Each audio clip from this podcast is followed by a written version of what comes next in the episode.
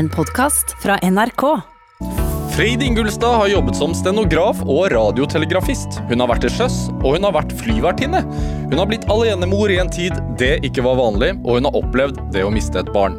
I tillegg har hun skrevet over 200 bøker.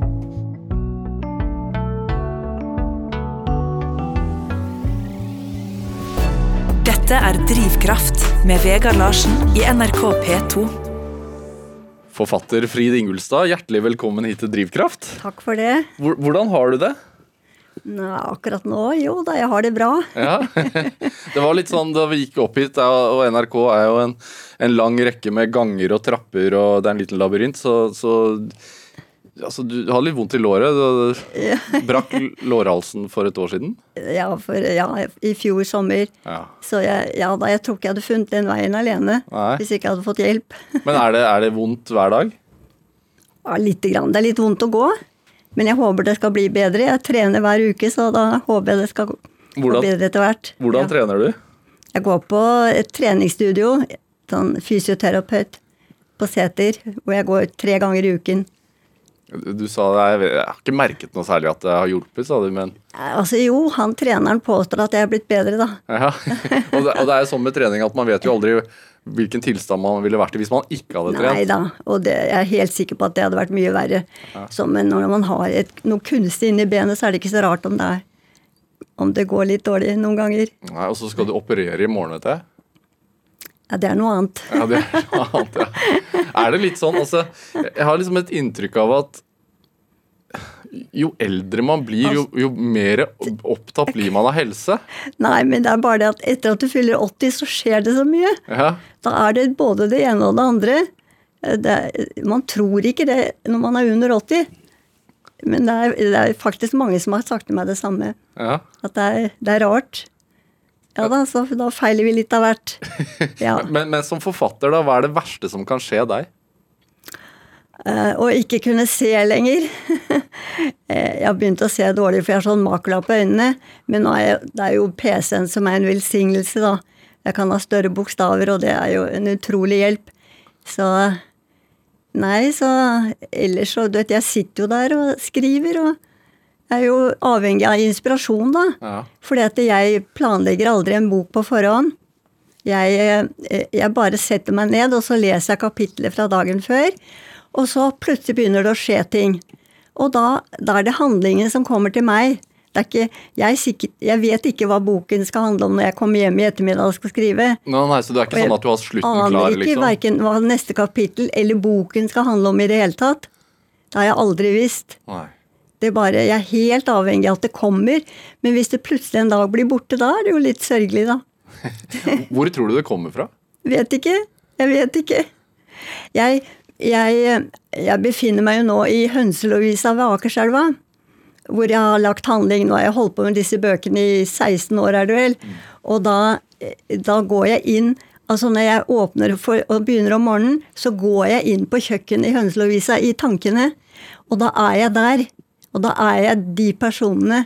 Og det er det jeg hører og ser, og fossen utenfor, og eh, Da er jeg ikke hjemme hos meg selv lenger. Nei. Altså, du har jo skrevet altså, Du sier det er øh, 16 år siden du begynte på, på serien om Sønna, altså Sønnavind-serien. Ja, Den første kom ut i 2005. Ja, og på den tiden så har du skrevet 104 bøker i den serien? Eller er det 105? Jeg holder på med 104. Ja, du holder på med den Ja. 104. Ja. ja. og, og, og så sånn raskt regna så blir det ca. sju bøker i året. Ja. Eh, 6,9 da, eller et eller annet sånt. Det er voldsomt imponerende. Og, og eh, serien handler jo om eh, livet langs Akerselva i Kristiania, eh, senere Oslo, da, eh, og, og følger jo hovedpersonen Elise. Og vi følger henne fra 1905 til 1959, som handlingen foregår i i dag. Ja, ja, det stemmer. Og, og, og du har jo veldig, veldig mange trofaste lesere. Ja. Altså, hvor mange bøker altså Det har blitt 104, altså du holder på med 104 nå. Hvor mange bøker om Elise har du i deg, tror du? Som jeg har i videre, mener du? Ja. Å nei, det vet jeg ikke. Jeg vet ikke noe mer fra den ene boken til den andre. Men, eh, men altså, Elise hun begynner jo å trekke på årene, hun òg. Hun er jo over 70 år. Så da, hun, da serien begynte, var hun 18. Og Hvor gammel hun skal bli, det vet jeg ikke. Du har ikke bestemt deg for det? Nei, nei, jeg kan ikke bestemme sånn på forhånd. Det må skje når det skjer, det. Altså, Du har ikke noen tanker om Ingenting. hvordan du skal avslutte Aner serien? ikke. Men altså, når du har så mange trofaste lesere, da, Ja. du føler ikke at du skylder dem et punktum? Jeg, jeg skylder dem å fortsette. De er så forferdelig redd for jeg skal slutte. Jeg får altså jeg, jeg lurer på om det er noen forfatter som har så mye kontakt med lesere som meg. De kommer hjem til meg, de ringer til meg, de skriver brev til meg, de skriver, sender mail til meg. Det er ikke én uke uten at jeg hører fra dem. Senest for to dager siden fikk jeg besøk på døren, og da var det en dame som forærte meg et maleri. Og, hun ville, og det gjaldt en bok som ikke har noe med denne serien å gjøre, men jeg skrev en bok om livet med en eh, psykopat. Og den hadde hjulpet henne så utrolig mye, så hun sa at maleriet var et, på vegne av alle de leserne jeg hadde hjulpet ved å gi ut den boken. Og sånt, da blir jeg jo rørt. Ja. Og to, to dager før det fikk jeg et to sider langt brev fra en annen leser som var så takknemlig og bare håpet at jeg ikke måtte slutte. Og og det gir Og dette opplever jeg stadig vekk. Og det var en som til og med skrev at hva skal jeg gjøre når sønnen min ikke kommer lenger? Da hadde hun ikke noe å leve for lenger. Da ble jeg nesten redd. Så, så det, er, det er bare helt utrolig. Hva- tror du det skyldes, da? En sånn Nei, altså da jeg begynte på Sønnavin, så jeg ble bedt av forlaget om å skrive en bok om unionsoppløsningen i 1905. ja. Eh, og så valgte jeg da å skrive om Akerselva. Det kan vi komme tilbake til hvorfor jeg gjorde det. Men, men da tenkte jeg det er jo ingen unge som kommer til å gidde å lese bøker om fattigdom. Så jeg trodde at det ville ikke slå an. Der har jeg tatt helt feil. Folk er veldig interessert i vår nære historie. Og det er liksom ikke grenser for hvor mye de gjerne vil vite. Og, og så var det en ting til. Da jeg begynte å skrive, så hun som drev Hønseløvisa, det er jo en liten kafé oppe ved Beierbrua. ja Sikkert mange som har vært der. Og, og så hun som drev det den gangen, hun hadde satt opp en plakat for meg hvor jeg ba om at de som hadde stoff å gi meg, og ville fortelle om sin barndom, de kunne komme til meg et bestemt tid. Og det strømmet jo på med eldre, og de har jeg jo kontakt med fremdeles. Jeg har vært i kontakt med flere hundreåringer, og jeg er i ukentlig kontakt med en på 94. En som heter Solveig, som har gitt meg masse stoff. Er det litt sånn også endelig noen som gidder å høre? Gidder å høre, hva mener du Nei, så endelig noen som er interessert i, i Ja, de synes det, de, altså det de sier, er at de er så glad for at det blir kjent. Ja. Og at dette er noe som de mener alle har godt av å høre om. Og det har jeg jo skjønt når jeg har vært mye rundt og holdt foredrag på skolene. Og da var det en gang en, en pakistansk gutt på 15 år som kom bort til meg etterpå, og så sa han Jeg har alltid trodd at dere var fattige, at dere var rike, jeg, sa han. Er det sant? Han ville vil nesten ikke tro på det jeg fortalte. Nei. Vi var jo altså nest etter Albania det fattigste landet i Europa. Tenk på det. Men denne, denne 94-åringen som du har kontakt med, Ja. hva, hva het hun, sa du? Hun heter Solveig. Ja, hvem er hun? Altså, hva, hva er det hun har hatt å fortelle deg, uten å liksom Ja, fortelle? hun forteller meg om, om hvordan det var da hun var barn og gikk og hentet melk i melkespannet i Birmansgården. Og fortalt, forteller meg navnene på De snakker jo eh, Sagene-dialekt, som jeg kaller det. Så hun forteller meg om Sukkatten og Dettanergården og Pultosten og eh, sånne ekte navn på, på butikker og steder. og og forteller om hvordan det var å være barn. Og det som eh, var også kjempeinteressant, at hennes mann han var professor, er død nå dessverre, men han, hans far hadde kommet til Kristiania som 15-åring, fattig, alene, og klarte da å få seg jobb som visegutt. Og, og, og han skrev dagbok og, eh, og han var gløgg. Han klarte å lære seg engelsk på egen hånd og jobbet seg over til Amerika. Og hele tiden har han skrevet dagbok om alt han, hvordan han hadde, og den lot han låne meg, lot meg låne den. Oi. Så jeg hadde jo et fantastisk materiale. Og sånn har jeg vært opplevd med flere, at de gir meg. Og det var en mann på Kjelsås som ringte til meg og fortalte at hans bestefar, han var svensk, og drev butikk på Grünerløkka. Men så kom svenskehatet i 1905. Og da mistet han jobben og måtte dra til Amerika eh, for å tjene penger og sende over til familien. Og da eh, skrev han brev hjem, og de skrev brev til han. Og alle de brevene fikk jeg låne. Hvor mye av disse historiene er i, i bøkene dine? Jeg prøver å putte inn det meste. Ja. Ja, Så jeg har, jeg jo vært kjempeheldig. Jeg har masse å ta. Får du respons i ettertid da, av de som har fortalt deg disse historiene? Sånn ah, der kjente jeg meg igjen. Nei. Nei, du gjør ikke det. Nei, jo, det er, jo da, det er jo altså Hun som skrev til meg det lange brevet jeg fikk i forgårs, eller når det var, hun skrev at jeg, jeg kjenner igjen alt i bøkene fra mitt liv da jeg vokste opp på Bjølsen. Hvor viktig er det for deg, da? At det er Veldig viktig. For jeg er veldig opptatt av at det skal være historisk riktig. Og jeg har alltid, eh, så lenge jeg har skrevet bøker, har jeg hatt historiker som konsulent. Fordi jeg vil ikke at noen skal komme og si at det der stemmer ikke. Det betyr veldig mye for meg. Og jeg tror det betyr mye for leserne. For jeg føler at min misjon med å skrive bøker er ikke bare å underholde. Det er like mye å formidle Norges historie.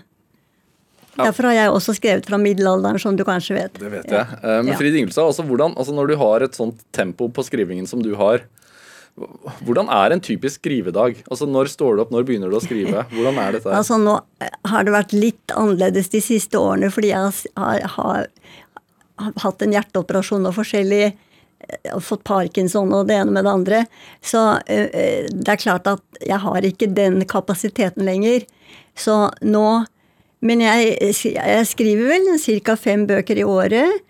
Men før og det var en periode hvor jeg skrev to serier på en gang. For da var jeg midt i middelalderserien om Ingebjørg Olavsdatter, og så ringte forlagssjefen i Cappelen Dame og ba meg skrive om unionsoppløsningen.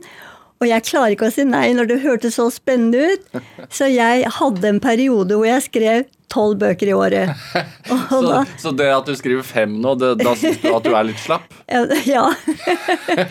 Men da tok jeg tre bøker fra middelalderen, og så prøvde jeg å glemme den. Og så skrev jeg tre bøker fra, eh, fra Akerselva. Og måtte prøve å glemme Jeg måtte hele tiden konsentrere meg om tre bøker av gangen. Ja. Da, du skjønner at jeg tenker på det nå, så jeg vet ikke om jeg har vært en dårlig mor. For jeg, jeg, satt jo og skrev lørdager og søndager og ferier. Og når vi ser bilder fra våre ferier før i tiden, og barna bader ved badestanden, så sitter alltid jeg med en blokk og blyant i et hjørne. Og jeg har til og med et bilde av hvor jeg sitter med mitt barnebarn som jeg har overtatt eh, fra han var liten. Og jeg, han sitter på en trapp og leker med drager og masse, og så sitter jeg i det ene hjørnet med, med blå, og sitter helt fordypet i blokken og blyanten. Så jeg vet ikke hvor god mor jeg egentlig var. jeg. Skulle du ønske det? At eh, du var mer eh, til stede i, i, i Nei, nuet? de har, de har ikke klaget. Nei, det- Ingen av dem har klaget. Nei. Dette er Drivkraft med Vegard Larsen i NRK P2. Og i dag så har vi forfatter Frid Ingulstad her hos meg i Drivkraft. Frid Ingulstad, du er, du er fra Nordstrand i Oslo. Ja, Eh, du bor fremdeles i barndomshjemmet ditt. ja, det er 100 år gammelt. Hva, hva gjør det med deg å bo i barndomshjemmet? Alt. Alt? Ja, jeg, altså jeg, tanken på at jeg en dag kanskje må ut fordi jeg har blitt for gammel jeg, jeg klarer ikke å sette meg inn i det. Jeg er så stedbundet og er så glad i det huset. Eh, eh, Nei, jeg orker ikke tenke på det engang. Men bringer det deg nærmere din egen barndom? Ja, det gjør det nok. Nå er det jo mange som har lurt på hvorfor en fra Nordstrand skulle skrive bok om fattigdommen på Akerselva, men det kan jeg gi en forklaring på. Ja. Og det var fordi jeg hadde flere i familien som bodde i nær, på Sagene i nærheten der. Og jeg hadde en tante som var, ta, som var lærerinne på Ila skole. Og hun hadde barn som hun, jeg, hun fortalte meg da jeg var barn, at hun hadde elever som, som eh, sovnet i timene fordi de hadde jobbet på fabrikk om natten. Hun hadde elever som ikke hadde råd til å ha matpakke. Når var dette her? Dette var i begynnelsen av 1900. Altså, min tante var født i rundt eh, 1880. Eh, Og, eh, og, dette, og barn som, som frøs og ikke hadde ordentlig skotøy eller ordentlig klær. Og det gjorde voldsomt inntrykk på meg. For vi, vi var jo ikke rike, men faren min var lærer, og vi var helt alminnelige, hadde jeg nær sagt. Og å høre om en sånn fattigdom Eh, eh, også en gang så tok tanten min hele klassen med seg hjem til oss for at de skulle få oppleve dag på landet. Den gangen var jo Nordstrand landet. Det hørte ikke til Oslo engang. Eh, så, eh, eh, men det syns jeg var veldig vondt. Var du tidlig opptatt av uh, Ja, altså, jeg, jeg altså- syntes det var fælt å høre at de hadde det sånn. Og, og plutselig gikk det opp for meg hvor utrolig heldig jeg var. Og jeg følte en urettferdighet som egentlig alltid har sittet i meg, eh, som jeg syntes var vond. Eh, så da jeg ble bedt om å skrive om unionsoppløsningen, så fant jeg ut at da vil jeg ta opp dette. Eh, så, men så går jeg jo fremover. altså Serien Jeg tar jo for meg året. Det handler ikke om Akerselva i 1905, hele serien. Jeg går jo fremover i tid og tar med meg tæringen, f.eks. tuberkulosen som rammet så mange. Jeg tar med meg første verdenskrig. Og nå hadde jo jeg vært telegrafist. Jeg hadde vært i, nede i maskinrommet i en gammel dampbåt som var bygget i 1921, og visste hvor kvelende varmt der nede i en sånn båt. Og, og tenkte meg hvordan det var å være til sjøs og oppleve frykten for at en torpedo plutselig kunne blåse hele båten til værs. Ja, du har følt på det? Det følte jeg på Ja, da, jeg lot en av personene være sjømann, da. Ja. Ja. Eh, Men altså, jeg tenker jo Du er født i 35, og, og som du sier, altså handlingen i serien 'Sønnavind' er jo lagt til før og etter det. Eh, Men, men selv om dette er ganske nær eh, fortid, da, hvordan, hvorfor er du så opptatt av den tiden i Norge? Fordi jeg tror at vi har veldig godt av å, å høre om det. Jeg, jeg har lyst til å fortelle deg da, denne damen som skrev til meg nå, hun skrev noe morsomt. Hun skrev at det du skriver om, så hadde barna de var sultne når de kom på skolen, de var trøtte fordi de hadde jobbet, og de var frosne.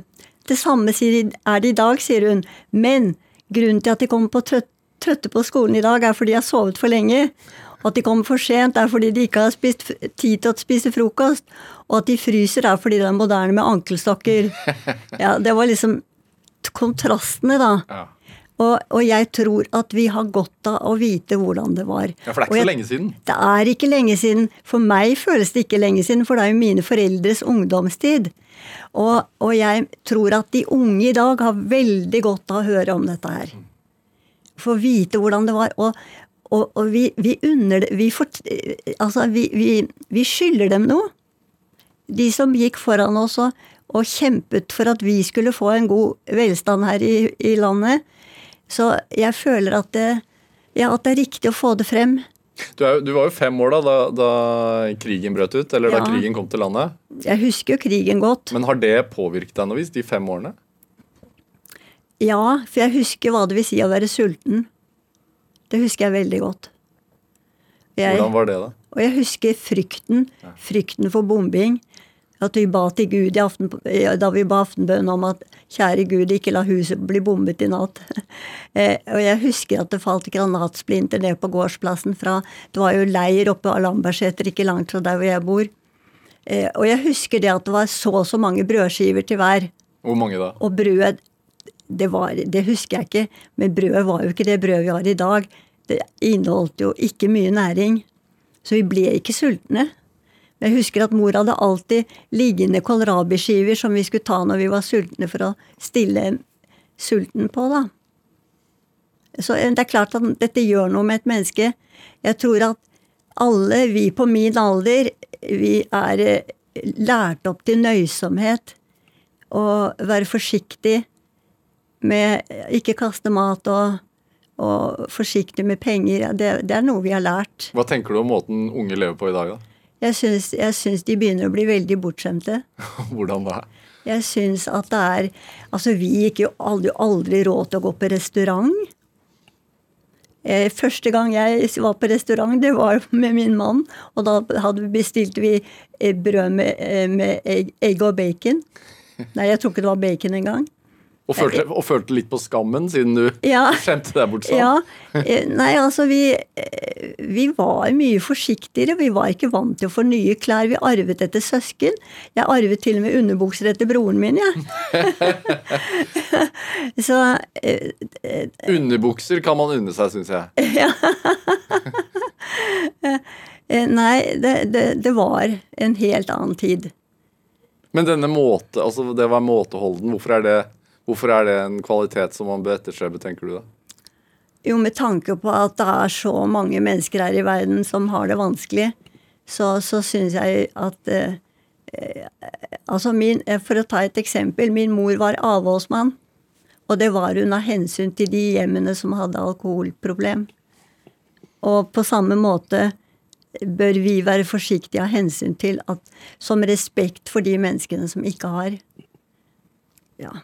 Mange måter å se det på, kanskje. Blir du provosert av det? Hvis, du ser at Nei, jeg blir lei meg Ja. når jeg ser Jeg så på TV denne, hva de kaster av mat. Jeg var sjokkert. Ja. Jeg syns det er helt forferdelig. Jeg tenker sånn, når du har, har Du har levd gjennom en tid hvor samfunnet vårt har forandret seg raskere enn altså noen gang tidligere i historien. Ja. Eh, hvilken liksom endring har gjort størst inntrykk på deg, tror du? Ja, det er veldig vanskelig å svare på. Eh, Jeg syns de siste 20 årene Hvorfor det? Jo, for det er da vi har merket mest denne økningen i velstand, og merket mer på hvordan barn og ungdom lever et helt annet liv. Nå er jeg så gammeldags, jeg tør jo ikke si egentlig hva jeg mener, men jeg, eh, jeg syns jo f.eks. at eh, barna helst skulle hatt en mor og far hjemme de første årene av sitt liv. Og at de kommer, sendes for tidlig i barnehage, syns jeg. Og jeg, jeg savner Der hvor vi bor, så er det bygget mange nye hus rundt oss. Jeg regnet ut en dag at jeg tror vi har fått 50 nye naboer. Og det jeg syns er trist, er å se at disse husene er tomme etter kvart på åtte om morgenen. For da har hele familien dratt på eh, jobb og barnehage og skole. Og så syns jeg det går langt på ettermiddagen før det begynner å komme lys. Og så ser jeg disse små havflekkene de har med trampoliner og greier, men det er sjelden noen barn som leker der. Og så tenker jeg på mine barn som fikk lov å leke hele dagen. Og kom hjem til mor når de hadde slått seg. Og jeg, jeg syns det er litt vemodig. Man lever litt for stressfulle liv, rett og slett. Da. Ja, jeg syns det er blitt for mye stress i samfunnet. Ja. Det syns jeg.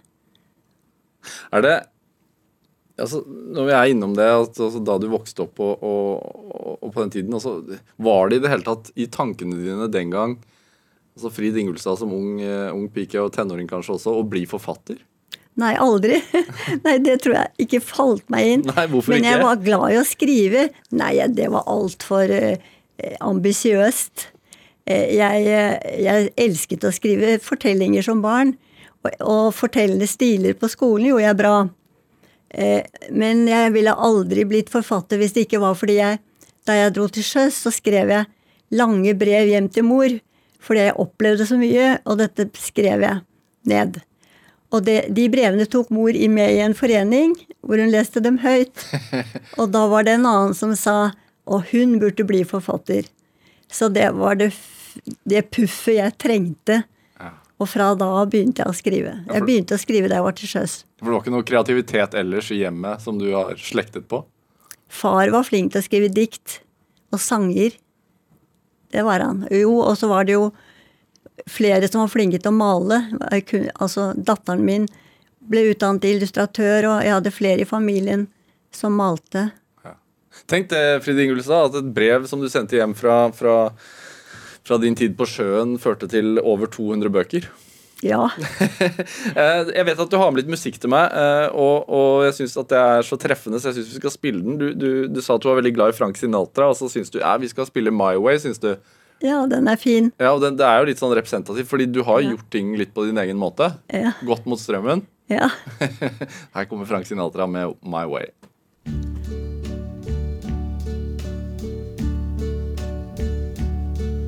And uh, now the end is near, and so I face the final curtain.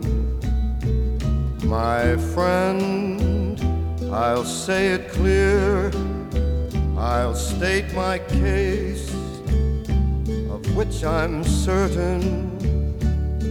I've lived a life that's full. I traveled each and every highway and more. much more than this. I did it my way. Regrets, I've had a few, but then again, too few to mention. I did what I had to do, saw it through without exemption. I planned each charted course, each careful step along the byway, more, much more than this, I did it my way. Yes, there were times I'm sure you knew when I bit off more than I could chew. But through it all, when there was doubt,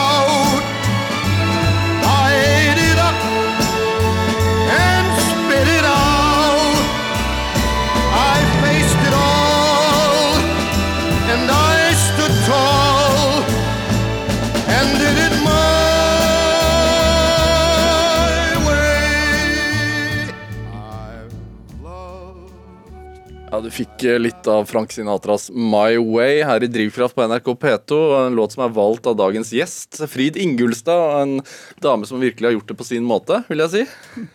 Eh, hvilke jobber har du hatt, Frid? Hvilke jobber? Ja, hvilke jobber har du hatt? Eh, altså Først så gikk jeg på handelsgym på sekretærlinjen, og så ble jeg eh, stenograf i Fred Olsens flyselskap i to år.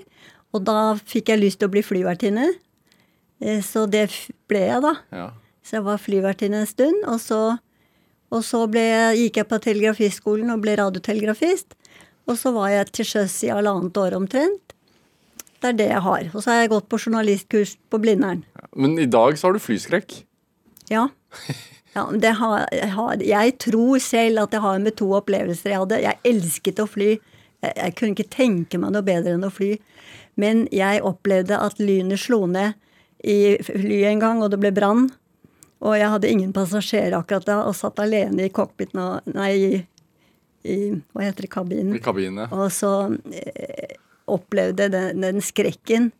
Det, det var det ene. Og så var jeg, eh, da jeg var til sjøs, så var vi en gang i en liten havneby på Øst-Afrika hvor agenten til rederiet, han hadde laget seg et lite fly selv.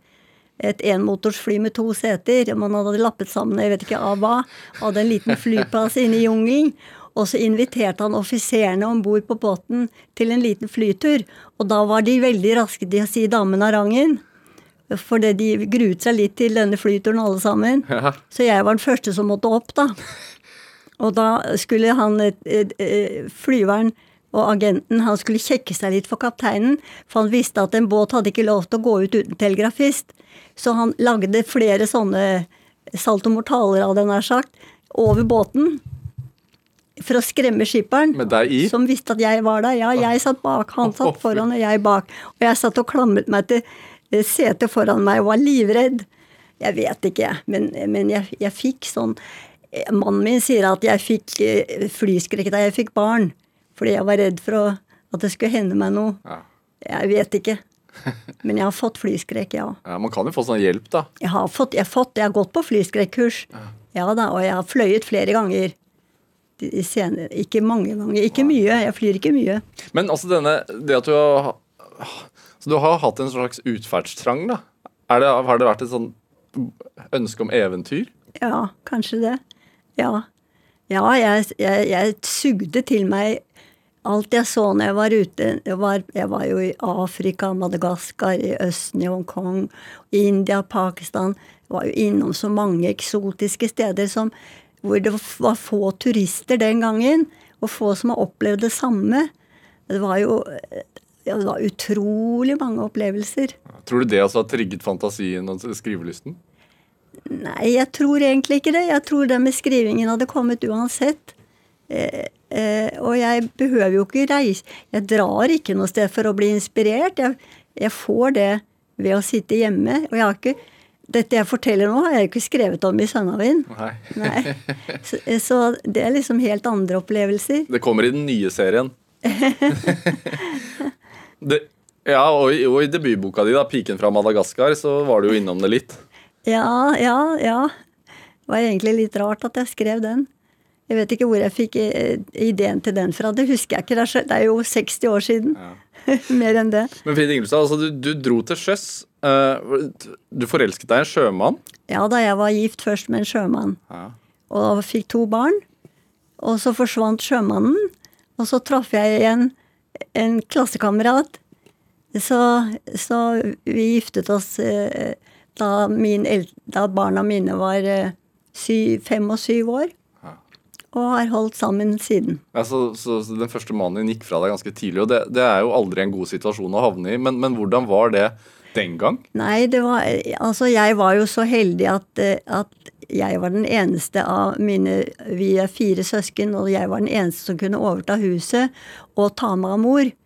Eh, Så jeg hadde mor boende i huset, og det hjalp selvfølgelig. Men var, det var tøft å være alenemor, og det var skam å være skilt. Det var noe du ikke skulle snakke høyt om.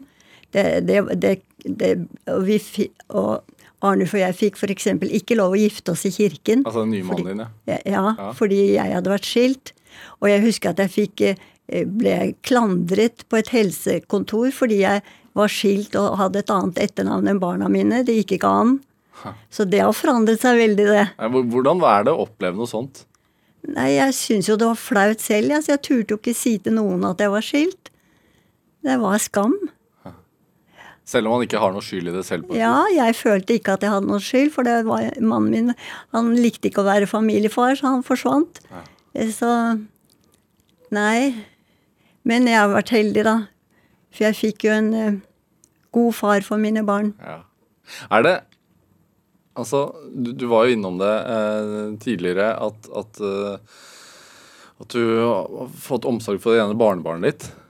Ja, var Det skjedde en stor tragedie i familien ved at min yngste datter Lill, hun fikk kreft da hun da, da sønnen hennes var to år gammel.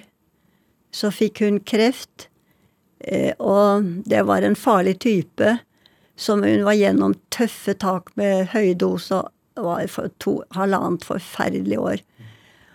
Og så døde hun da han var tre og et halvt år, og så ikke lenge etter så fikk pappaen svulst på hjernen. Så denne guttungen, han eh, hadde en tøff barndom. Og vi fikk da bli fosterforeldre. Så han har vært hos oss siden. Er hos oss fremdeles. Hvordan, hvordan, hvordan klarer man å gå videre? Altså for det, Man opplever jo altså som foreldre Det er jo det verste man kan oppleve. Og man, man må jo oppleve en slags bunnløs sorg, og så samtidig så, så må man stå i det. Ja. Hvordan klarer man å, å gå videre? Jeg, jeg tror rett og slett at det var Philip, gutten, som reddet meg, fordi jeg hadde liksom ikke lov til å, å, å tenke på meg selv. Her var det et lite barn som hadde mistet mammaen sin. Og det, det var jo det som var det verste av alt. Og jeg var veldig knyttet til Lill. Vi hadde et godt forhold, og jeg savner henne den dag i dag. Men, eh, men det var jo gutten, det var jo han, som hadde mistet mamma. Og da hadde ikke jeg lov til å tenke på meg selv. Så det hjalp meg sikkert til å, å klare det. Så ja. Er det noe svar på det? Hvordan man kan bearbeide noe sånt? Altså, Fins det en fasit? Nei, altså ja, Å snakke om det Jeg har aldri vært redd for å snakke om det. Eh, Og, og hadde, hun hadde sånne rørende venninner som, som har kommet hjem til meg på hennes bursdag hvert eneste år. Helt til nå. Og, og som er, eh, på graven hennes fremdeles. Nå er det 20 år siden. Eh, og de var så rørende og hjalp meg. Alle venninnene. Så Og har mange gode minner. Men du, blir, du kommer aldri over det. Nei.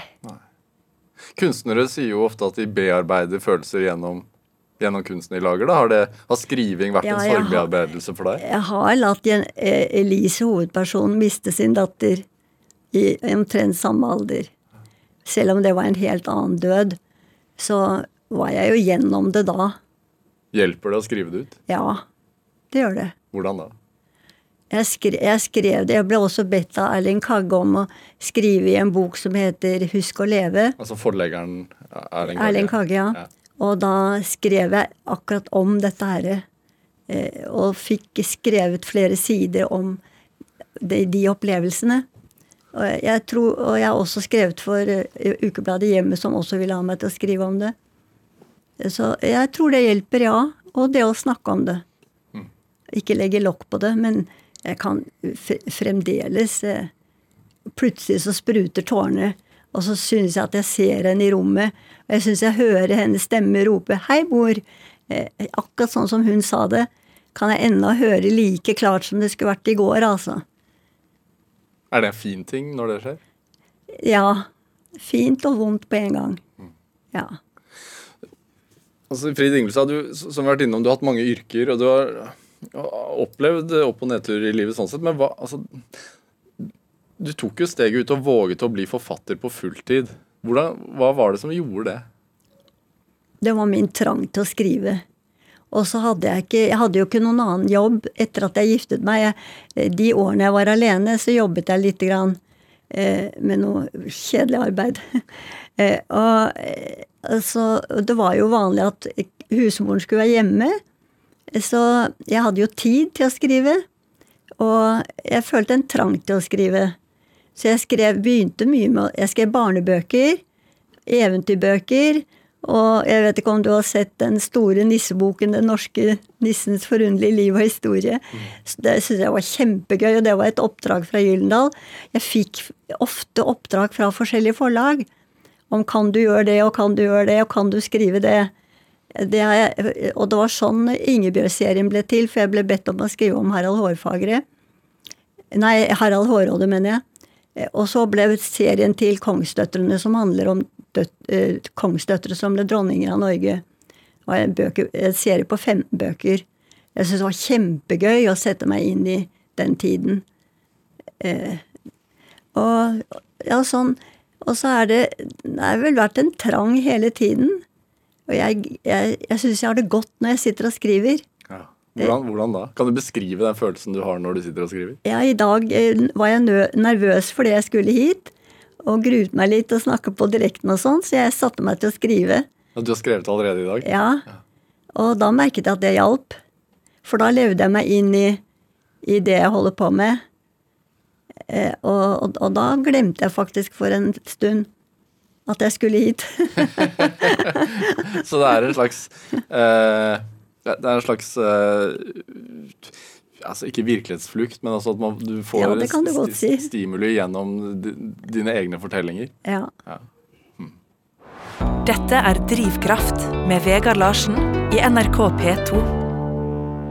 Og i dag så har vi forfatter Frid Ingulstad her hos meg. Altså, programmet som du er gjest i, heter jo Drivkraft. Og, og jeg, jeg føler at du har vist en sånn voldsom drivkraft som forfatter. Og så har, har det vært en Du forteller jo nå at det er, vært en del tilfeldigheter, og at du har fått oppdrag og sånn, men har det også vært en, en kamp å få lov til å skrive? Nei. Nei? Jeg har jo alltid bare sittet og skrevet og sendt inn, og, og vært heldig. Jeg har jo fått gitt ut 243 bøker til sammen. Helt ekstremt. Jeg har sittet og bare skrevet det jeg har hatt lyst på, og så har jeg sendt inn, og så har jeg fått det antatt. Jeg har vært heldig. Hva tenker du om at eh, sånn som for, den, ja, jo, For noen år siden så var det en debatt om Forfatterforeningen som ikke ville ha deg med som medlem og sånne ting. Hva, Ja. hva tenker du om det i dag? Nei, altså nå er jeg jo medlem av Forfatterforbundet, og de gjør det jo kjempebra. Og det kommer nok til å slå seg sammen etter hvert, og de kommer til å klare seg like bra som Forfatterforeningen. Ja, men at det er sånne kvalitets... Ja, det var det. Ja, ja, ja, det er kanskje det fremdeles, men jeg tror det er på vei ut. For dette, jeg, jeg tenker som så at den som lever av å skrive bøker, burde jo helt naturlig være medlem av en forfatterforening. Ja. Eh, En lege er medlem av en legeforening. Jeg kan ikke skjønne hva Jeg begriper ikke noe av det hele, jeg. Og hvis det hadde vært så dårlig skrevet, så tror jeg ikke jeg hadde fått alle de prisene jeg har fått. Nei. Nei. Så jeg, så jeg, skjønner, jeg skjønner det ikke. Nei, Hva tror du ligger bak det? Eh, Skal jeg tørre å si det høyt? Ja, vær så god. jeg, jeg tror det er snobberi. ja. Jeg tror det er et åndssnobberi. Ja. Ja. Jeg tror, og jo, fordi jeg husker da jeg skrev en bok som het 'Stormfuglen', som handler om, ja, det er den som handler om samliv med psykopat, så sa forleggeren Det forlaget eksisterer ikke lenger, jeg kan, da gjør det ikke noe om jeg sier det høyt. Han sa du burde skrive under pseudonym, for du har fått en merkelapp på deg fordi du har, ut, fordi du har skrevet romaner i ukebladene. Og jeg tror no, mye ligger der. er, det, er det At jeg har fått en merkelapp på grunn av det. Men det, det, det at du har gitt ut romaner som har kommet med ukebladene, har gjort at flere har fått mulighet til å lese bøkene dine? Ja, og så kom disse føljetongene ut som bøker etterpå, da, og ble gitt ut i flere land også. Så eh, ja, det er jo Jeg har jo lesere som skriver til meg nå som faktisk leser de aller første bøkene. Jeg er bare forundret over de Jeg har nesten glemt dem, jeg, de, og så husker de mer enn meg. Hva syns du om åndssnobberi, da, som du kaller det? Syns det er noe ordentlig tull. Hvorfor det? Jeg mener, hvis noen kunne Det er enda ikke ett menneske som har kunnet forklare meg hva litterær verdi er. Altså, jeg ringte opp til for, Jeg bør ikke si formannen hva han het den gangen, men da sa han Fri, du må vise deg litt mer. Hva betyr det? Det spurte jeg, lurte jeg på. Ja. Så tenkte jeg skal jeg kle meg som forfatter i sort og lilla og sette meg og drikke rødvin et eller annet sted, tenkte jeg. Eh, eh, Så jeg, jeg syns jo det var noe ordentlig tull. Og så var det, eh, var det eh, hun Ebbe Haslund som kalte det at jeg manglet en dikterisk flukt. Men hva er en dikterisk flukt? Det er ingen som har kunnet fortelle meg. Jeg, jeg skjønner ingenting av det. Hvis noen kunne fortelle det, forklare meg det, skulle jeg være glad, men jeg bryr meg ikke noe om det lenger. Jeg mener, jeg er jo så heldig å ha så god kontakt med lesere som er glad i bøkene mine. Hva mer kan en Det viktigste for en forfatter, det er jo å bli lest. Ja, absolutt. Altså, jeg, jeg, jeg tenker sånn Siden du snakker om leserne dine, altså Sønnavind-serien, eh, som, som jo er, skrevet over 100 bøker i, eh, handler jo om Oslo for eh, 100 år siden, eh, pluss minus. Og, og du har jo fordypt deg i Oslos historie og måten folk levde livene sine på den gang. Og så arrangerer du turer. Du har sånne Sønnavind-vandringer Vandringer, ja. langs Akerselva. Ja, det er kjempegøy. Og det kommer folk. Et år kom det 1000. Tusen. 1000. Ja. Det kom altså fra De kom med fly fra Kirkenes og Trondheim og Bergen og Stavanger, hele landet. Eh, Og for, for å oppleve en time i Elises verden Det var helt skummelt, altså. Ja, det var kjempegøy. Hva skjer på det var en, det var en mann som en gang sa til meg, som bor oppi der, oppi eh, en del av Maridalsveien, så sa han hver gang jeg ser et 17. mai-tog utenfor her, og det ikke er 17. mai, så vet jeg at det er du som går vandring, sa han. ja, nei, det, det er gøy. Og da forteller jeg da om hvorfor jeg begynte å skrive, og at jeg diktet opp en historie om Elise og hennes søsken. Og, og, så, og så hadde jeg en aller første vandringen, da kom det bare 30, for da var det jo få som kjente Da hadde jeg bare ute én bok. Og det hadde gått over Beierbrua og fortalte de leserne om fabrikkene og det vi så rundt oss. Så kommer det plutselig en veldig pen dame bort til meg, og så sier hun Det du forteller, har jeg opplevd. Og det var altså at faren døde i fylla, moren døde av sykdom, og hun Og de var tolv søsken der, jeg har bare diktet opp fire. Og, og så de, de eldste hadde flyttet hjemmefra. Men da måtte hun forsørge sine små søsken, og hadde ikke én øre i støtte fra det offentlige. Og det syns jeg er interessant.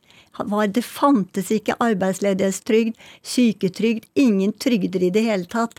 Og hun måtte forsørge sine søsken, og har gjort det så bra, og de har klart seg, og hun er et strålende menneske, hun lever ennå. Og Synnøve, jeg kan godt fortelle navnet hennes, hun er et enestående menneske. Ja. Du, du sa til meg mens vi eh, spilte My Way her av Frank Sinatra, at uh, du gjerne skulle nevnt navnet på alle de som hadde gitt deg informasjon og, Ja. og sånn Ja. opp igjennom. Ja da. Jeg har en som heter Aslaug også, som har fortalt meg at hun trillet lillebroren sin på skolen fordi det var ingen til å passe ham. Tenk deg om elevene i dag skulle hatt med eh, småsøsken i barnevogn på skolen. Men er det, altså, men du var litt bekymret for at uh, kanskje de føler seg utelatt hvis ikke du nevner alle navnene. Er du en sånn person som, som har veldig mye empati og et stort hjerte, og som gjerne vil Ja, inkludere? Litt, litt for mye. Litt for mye? Ja. Hvordan, hvordan da? Fordi jeg aldri klarer å si nei. Hvordan merker du det? Nei da, nei, jeg, jeg bare Nei, jeg tror nok at det er en svakhet jeg har. Er det en svakhet? Ja. Hvor, på, på hvilken måte? Jeg blir så sliten at det er så mange jeg skal ta hensyn til. Ja, Ma- Mange jeg skal ta meg av. ja. Ja. Men Hvordan opplever du det, da? Altså, hvor, hvordan, altså, hvis, du sier jo at du har masse lesekontakt, at de tar kontakt med deg via Nei, jeg syns jo det er utrolig hyggelig med hvert brev jeg får. Og jeg svarer på dem, og det er klart at det tar tid, det òg. Jeg svarer på e-poster, og jeg tar imot telefoner og prater med de som ringer til meg. Og det ringer folk fra alle kanter av landet. Hva er det folk sier, da? Hva? Hva, hva er det folk vil? de, Nei, de vil høre hvordan det står til med meg, og, og hvilken bok jeg holder på med. Og, og noen prøver å få ut av meg noe av handlingen videre. Og kan jeg ikke bare fortelle litt? Grann? Ja, men du, det går vel bra med Johan? Og så prøver de å fiske da, at jeg skal fortelle litt, for de klarer ikke å vente til neste bok kommer. Men Forteller du noe, da? Eh, Nei, som regel ikke. Det er en, en eh, fra Blindeforbundet som jeg har, har sladret lite grann. Men det har jeg ikke lov til. Men det har jeg ikke lov til. Men når du sladrer sånn, når du forteller hva som kanskje skjer, er det Hun lover å ikke si Lover det til ikke noen. si det. Hun lover å ikke si til noen. Nei, det er bra, Frid Ingelstad. Din hemmelighet. Jeg skal ikke si det til noen at du har fortalt at du har fortalt det til noen. men, men altså, eh, er det, er det litt sånn altså det, det, denne eh, empatien din eller omsorgen for mennesker, er det litt det også som gjør at du føler at du aldri kan bli ferdig med serien? Fordi det er så mange som mange, Det er så manges historier du har lyst til å fortelle. Ja. Det er jo, Elise er jo nå blitt oldemor, Ja. og hun har flere barn og barnebarn. Og jeg vil gjerne få med alle sammen. Og de har sine forskjellige problemer og sitt forskjell... En er blitt prest, eksempel. Eh, og, og der altså, er det så rart, altså. Jeg husker jeg satt en gang og skulle skrive en preken for presten. Og jeg kan jo ikke sånt. Altså, du, eh, nå, er, er du, nå er du ikke i romanform, Nå er det midt i virkelig romanen. livet. Nå er jeg midt i romanen. Ja, okay, ja. Og så skulle jeg skrive en preken. Ja. Og så tenkte jeg, hvordan søren gjør jeg det? Og så ringer telefonen, og så var det en dame fra, oppe fra Fagernes som, eh, som har, hadde sendt meg før noen tips til hva de kunne spise av urter og sånn da når de sultet. Og så, og så sier hun det. Du, jeg fikk akkurat en bok i hendene her i dag som jeg tenkte kanskje var noe for deg. Den heter Prosten. Oi. Og så leste jeg Prosten, og så fikk jeg hjelp, da. Men så ringer hun akkurat den dagen jeg sitter og holder på og lurer på det. Sånt er jo så rart. Er det tilfeldig, tror du? eller? Og det opplever jeg så mye rart. Det har jeg Ja, det er Altså, da jeg Jeg forelsket meg i et lite hus nummer 76 i Maridalsveien. Det er Oslos minste, eldste trehus bygd på slutten av 1600-tallet. Og jeg hadde forelsket meg det huset gikk og banket på og lurte på om jeg kunne få lov å komme inn og se det. Og så ville jeg la personene bo i det. Og akkurat da hadde dette ekteparet eh, kjøpt huset.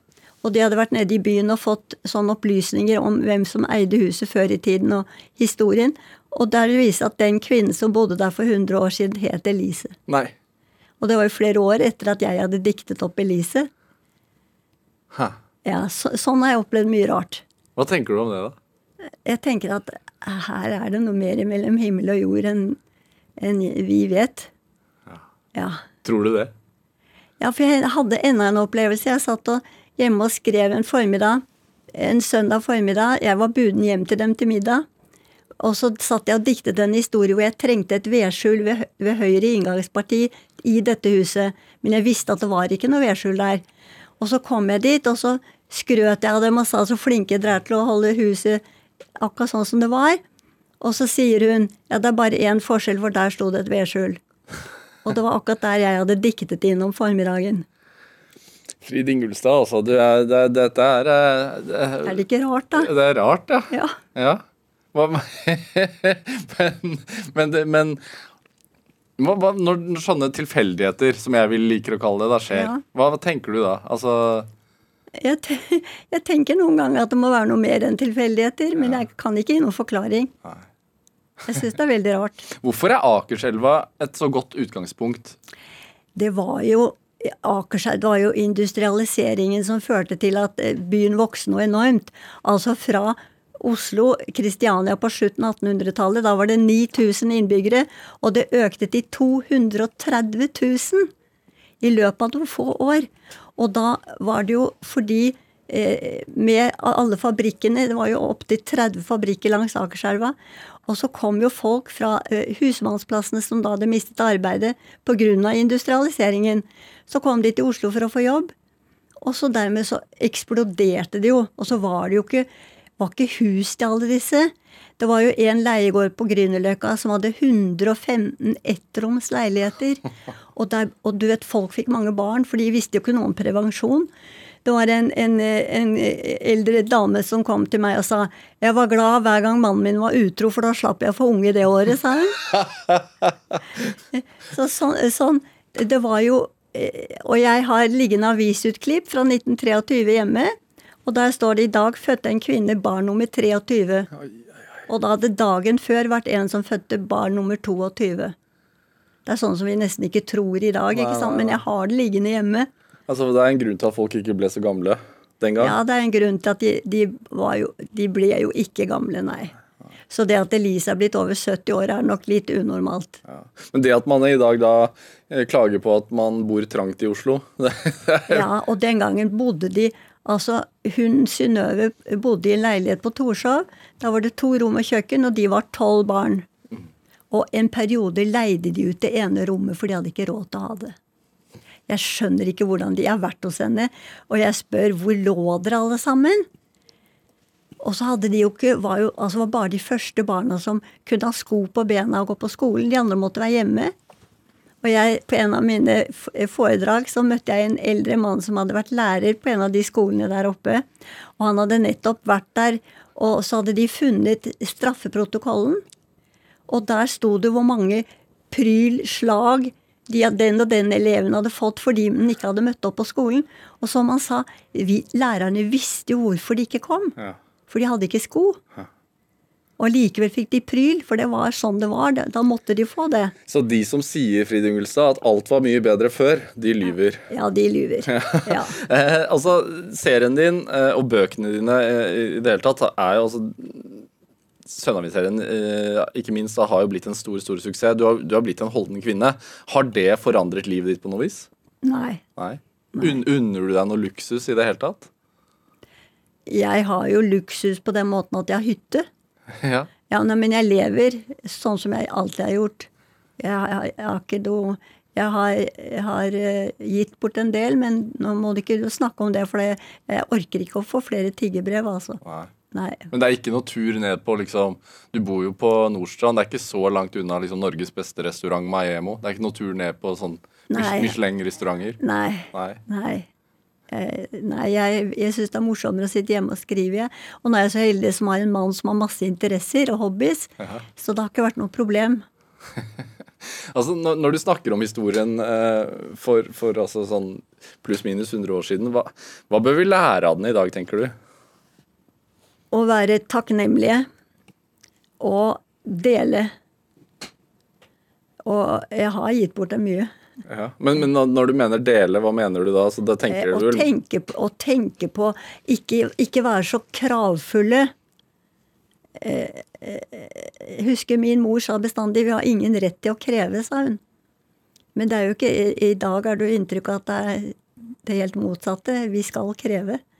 Eh, og så det å være nøysom og takknemlig og glad for det man har fått. Og, og så gjøre det vi kan for å hjelpe de som virkelig trenger det. Er det for lite av det i dag? Det er mange som er flinke. Du leser jo om mange ildsjeler som gjør mye. Men, men vi, vi kan ikke hjelpe millioner heller.